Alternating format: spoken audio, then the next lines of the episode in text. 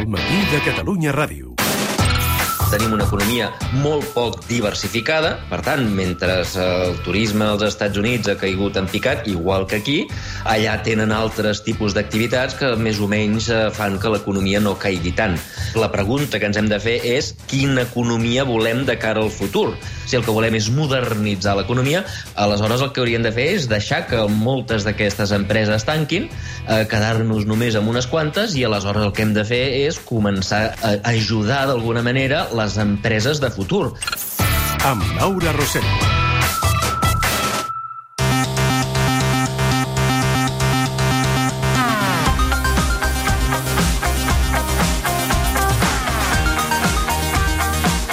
Les 10 i 11 minuts del matí en aquesta setmana que serà clau per als plans de fusió de CaixaBank i de Bànquia. És una setmana clau, evidentment, ho estem explicant des d'ahir per als alumnes que han començat el curs escolar, també en el terreny polític, perquè ahir Artur Mas va trencar el silenci i va donar totes les explicacions que tothom buscava i que tots els periodistes li anàvem demanant, i perquè també hi ha la cita del president Torra davant del Suprem, el debat de política general, etc etc. Però en clau econòmica és una setmana clau per aquesta fusió de CaixaBank i de Bànquia, una operació que ja té el vistiplau del govern espanyol, que s'ha endarrerit uns dies, sembla que per discrepàncies en les valoracions de les dues parts implicades, però si acaba culminant amb èxit, es convertirà en el primer banc a l'estat espanyol tant pel que fa a actius, a oficines, com a treballadors. Com afectarà això a la competència? Aconseguirà això allunyar definitivament CaixaBank de Catalunya? I què passa amb les ajudes públiques a Bànquia? Els últims dies n'hem anat parlant amb diferents veus, amb el conseller Tremosa, amb la ministra Montero i amb el degà del Col·legi d'Economistes, Anton Gasol, i avui en volem parlar amb l'economista Xavier Sala i Martín. Molt bon dia, professor. Hola, molt bon dia. Com anem? Molt bé. Aquesta fusió eh, és perjudicial per als empleats, per als consumidors, per als contribuents? A veure, la resposta és sí. Uh, la resposta és sí, però deixa'm explicar abans uh, una, una, un, un, un fenomen que és uh, com funciona l'economia de, de mercat i per què funciona l'economia de mercat. Uh, no sé si tots us heu preguntat com pot ser, quina és la màgia que hi ha darrere del fet de que quan aquest de matí hem anat al bar de la cantonada a esmorzar, hi havia croissants. És a dir, hi havia hagut algú que s'havia llevat a les 4 del matí a fer els croissants eh, perquè nosaltres, quan ens llevéssim, estiguéssim preparats i calentets i, i just, diguem, eh, eh, i, i, i no haguéssim de fer cap esforç per, per, per esmorzar esmorzar. Um, la resposta no és que la senyora del bar i la senyora que fa els croissants s'han llevat perquè ens estimen o perquè són bones ciutadanes. Uh, la resposta és que la raó per la que ho han fet és perquè elles volen guanyar-se la vida i pensen que per guanyar-se la vida uh, han de vendre croissants. O, o, o, o diguem, venen, per guanyar-se la vida venen croissants, que és el que elles imaginen que és el que voldrem nosaltres. És a dir, si, si, si aquestes senyores pensessin que els croissants són dolents per la nostra salut, eh, perquè porten mantega o perquè sigui, i decidissin que el millor per nosaltres són les magdalenes de quinoa, per exemple, eh, i decidissin fer magdalenes de quinoa, eh, que no és el que vol la gent, sinó que és el que volen elles, eh, què els hi passaria a aquestes senyores? Els hi passaria que nosaltres aniríem al bar, veuríem les madenes de quinoa, no les voldríem i aniríem a la competència, aniríem al bar del costat i compraríem croissants.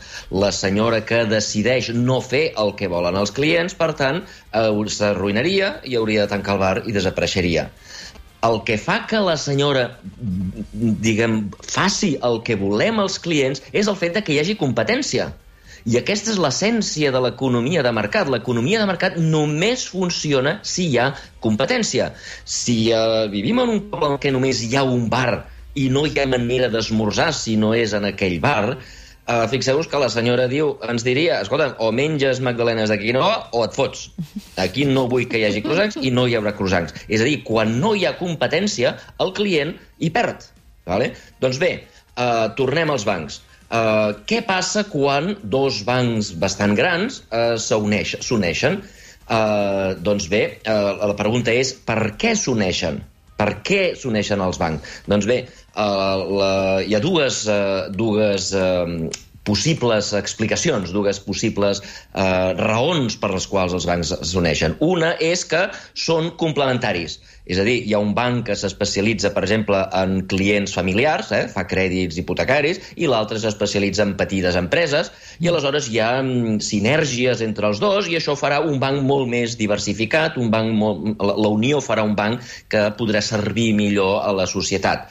L'altra possibilitat és que eh, necessiten reduir costos. És a dir, com que l'oficina de Bànquia està al costat de l'oficina de CaixaBank, si ens unim, eh, doncs podem mm, tancar una de les dues oficines, eh, eh, perquè no caldrà que tenir, tenir dues oficines de Caixa Bànquia, una al costat de l'altra, acomiadarem a la meitat dels treballadors, és a dir, els treballadors d'una de les dues oficines, això ens permetrà reduir costos i això ens permetrà tenir més beneficis. Doncs bé, CaixaBank i Bànquia no tenen cap complementarietat.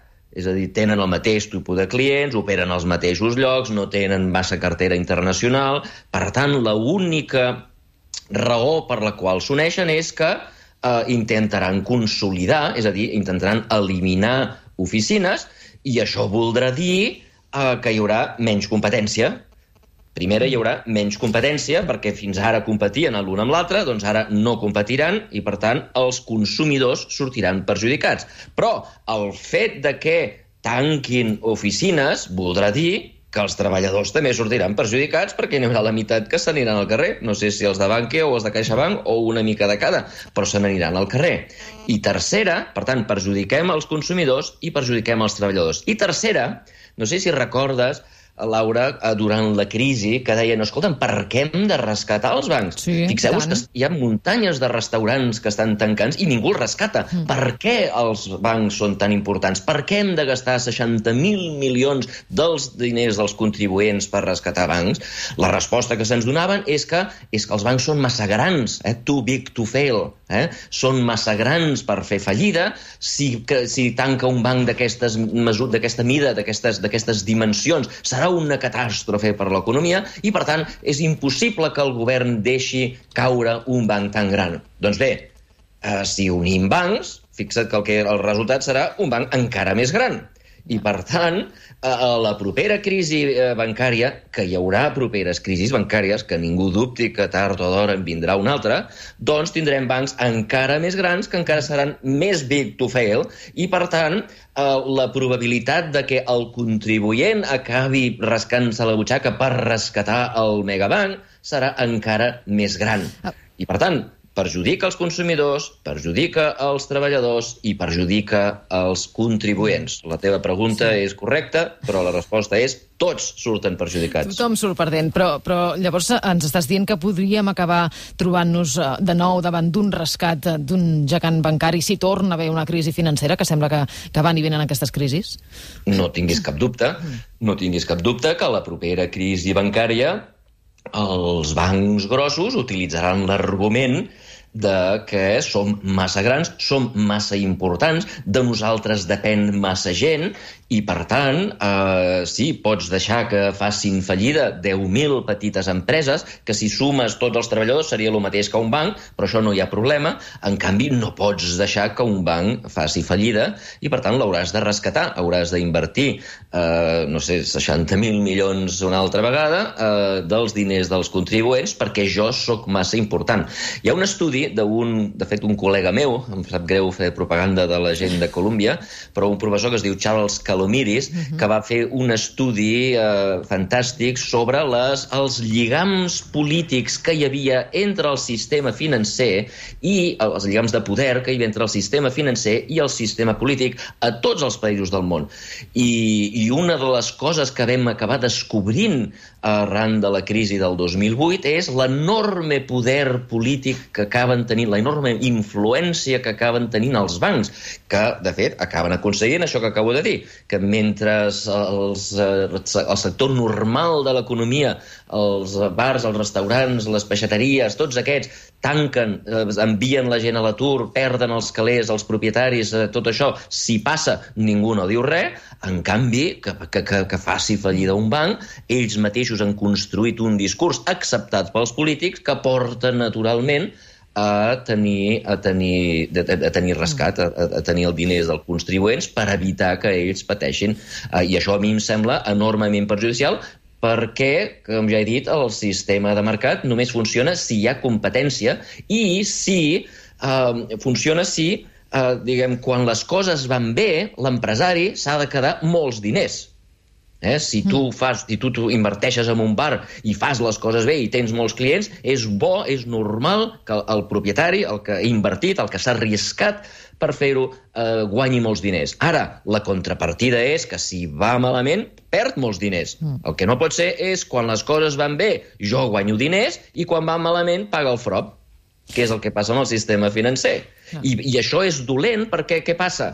Si jo m'arrisco i les coses em surten bé i m'ho quedo jo. Però quan m'arrisco i les coses surten malament, paga el contribuent, fixa que tendeixo a arriscar-me massa perquè sé que, sé que si, en cas de que surtin les coses malament, em salvaran el cul.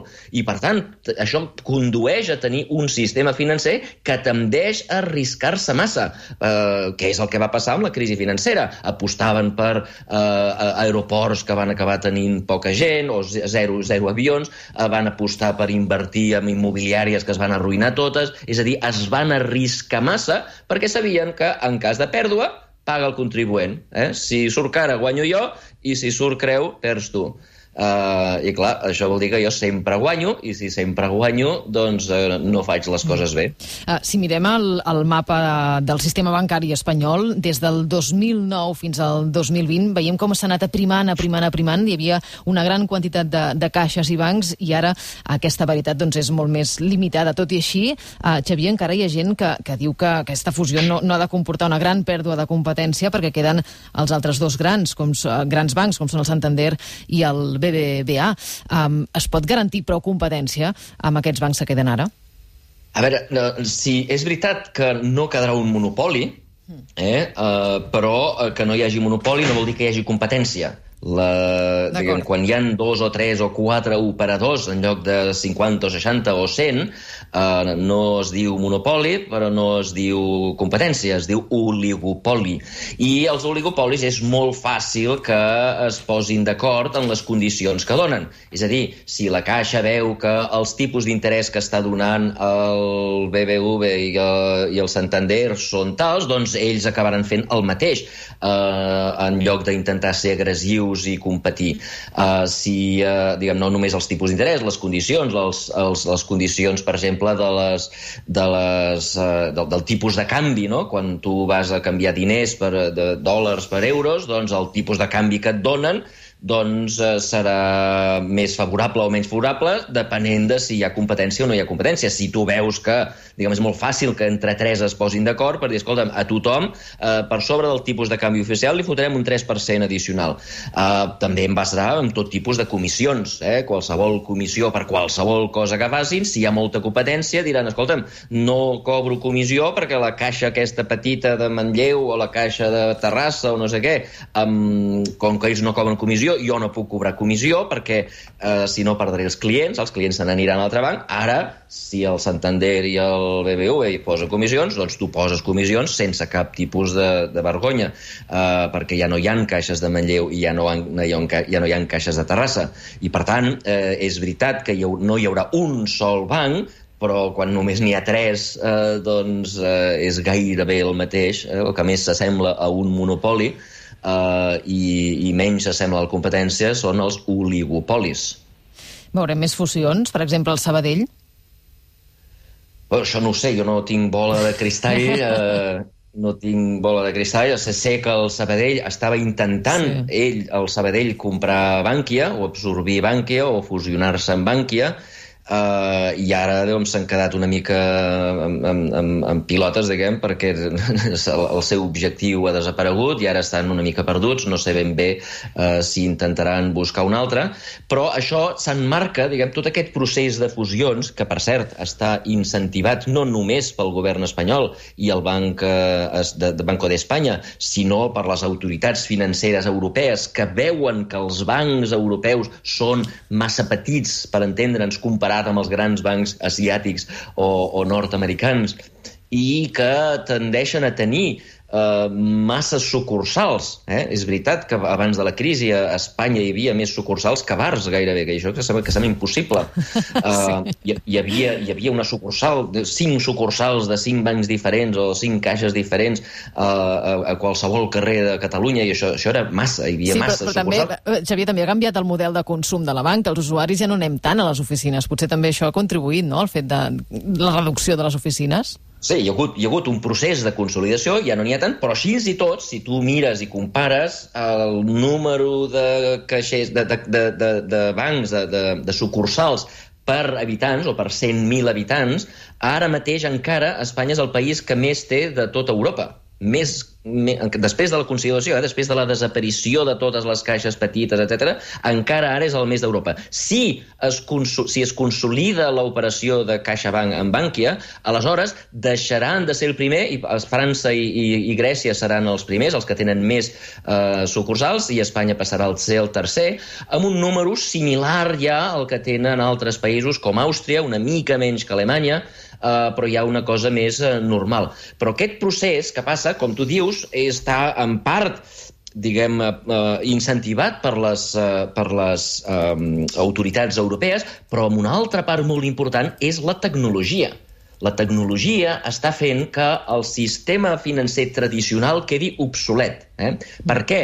Fixa't una cosa, Uh, per què guanyen calés els bancs, tradicionalment? Eh? Doncs mira, ja, jo tinc 1.000 euros que vull estalviar, hi ha una noia a Roses que vol fer una empresa, vol posar una gelateria i necessita 1.000 euros i jo no sé qui és aquesta noia, no la conec, no sé. No. Si, si jo pogués invertir en la seva empresa, tot aniria bé, però no puc. Per tant, com que jo no puc, hi ha un senyor que és la Caixa o el Sabadell que es posen al mig i diuen a mi, a tu, professor, dona'm els 1.000 euros a mi, llavors van a la noia i li presten amb ell. A mi em paguen 0% d'interès, a la noia li cobren 3% d'interès i amb aquest 3% és com guanya calés la banca. Estem d'acord? Això sí. és la, la, la manera tradicional. Què passa? Que avui dia, gràcies a les noves tecnologies, jo tinc accés a conèixer aquesta noia. Aquestes noves tecnologies de fintech, que es diuen tecnologies financeres, permeten que el, aquest senyor que només fa d'intermediari, que no aporta cap valor més que fer d'intermediari, desaparegui. I, per tant, els marges que poden cobrar els bancs són cada vegada més petits i el negoci bancari, que abans era espectacular, cada vegada es va reduint perquè tenen la competència d'altra gent. Altra gent que utilitza mecanismes com el telèfon mòbil per pagar, que utilitza el telèfon mòbil per conèixer possibles inversions, etc etc. I això que passa amb els bancs passa amb tots els negocis que són pura intermediació les noves tecnologies estan matant a l'intermediari. I, I aquí hi ha dues possibilitats. O bé els bancs es faran cada vegada més petits, perquè cada vegada guanyaran menys calés, i mireu la cotització de borsa de tots els bancs, tots, ha caigut en picat en les últimes dècades, eh, o els bancs es reinventen i comencen a oferir algun altre tipus de serveis que no sigui simplement la intermediació. Ja veurem si els bancs són capaços d'innovar i canviar el seu model però si no són capaços, la banca tal com la coneixíem acabarà desapareixent. I això explica també per què cada vegada queden menys bancs, perquè no són rendibles. Eh, la, la taxa de rendibilitat d'un banc, sobretot europeu, eh, és baixíssima. Per exemple, és de més o menys el 4%, comparat amb un banc nord-americà que és del 14%. Eh, I això també és una tendència que és el que va fent que es consolidin, que vagin desapareixent bancs, eh, perquè no guanyen calés. Uh, professor, una última qüestió uh, que no té res a veure amb la fusió d'aquests dos uh, grans bancs i amb el mercat uh, financer. La setmana passada es va aprovar al Parlament la llei de regulació del preu del lloguer uh, aquí a Catalunya. Um, Creu que és una norma que efectivament farà més accessible l'habitatge o, o no? Tot el contrari, quines pegues hi veus? Jo crec que serà tot el contrari. Uh, a veure, quan, quan jo era petit havia limitació de lloguers, uh, les lleis franquistes tenien limitació, i el que passava és que, com que cobraves tan poc per, per llogar el teu pis, la gent no el llogava. I quan els llogaves i no podies mai treure els teus llogaters, el que feies és que no els cuidaves, els pisos es anaven, anaven reduint la qualitat, ningú invertia en pisos. Um, és a dir, si tu no pots, el qui té un pis veu que no guanyarà prou calés llogant-lo, el que farà serà treure'l del mercat. Uh, I això ha passat. Uh, tothom parla de Berlín com un gran exemple a seguir de com es regulen els preus. Doncs bé, a Berlín el número de pisos disponibles per llogar ha baixat en picat perquè molts, que, molta gent que abans el llogava pensa que ja no val la pena llogar-lo i, per tant, el treu del mercat. I això què fa? Doncs que en lloc d'haver-hi més pisos, eh, n'hi ha menys i com que hi haurà menys pisos, doncs hi haurà cues de gent intentant, intentant llogar, eh, intentant eh, tenir accés a l'habitatge llogat, però com que no hi haurà habitatge, doncs no, aquestes mm. cues de gent doncs mai acabaran tenint eh, pisos i, i no sabem ben bé què passarà, però eh, diguem, l'oferta, per, per dir-ho en termes econòmics, l'oferta de pisos de lloguer baixarà i per tant n'hi haurà molts menys de disponibles, eh, cosa que serà exactament el contrari del que volen aconseguir. Professor Xavier Salamartí, moltes gràcies. Gràcies a tu, gràcies, bon dia. Gràcies, que tinguis un bon dia.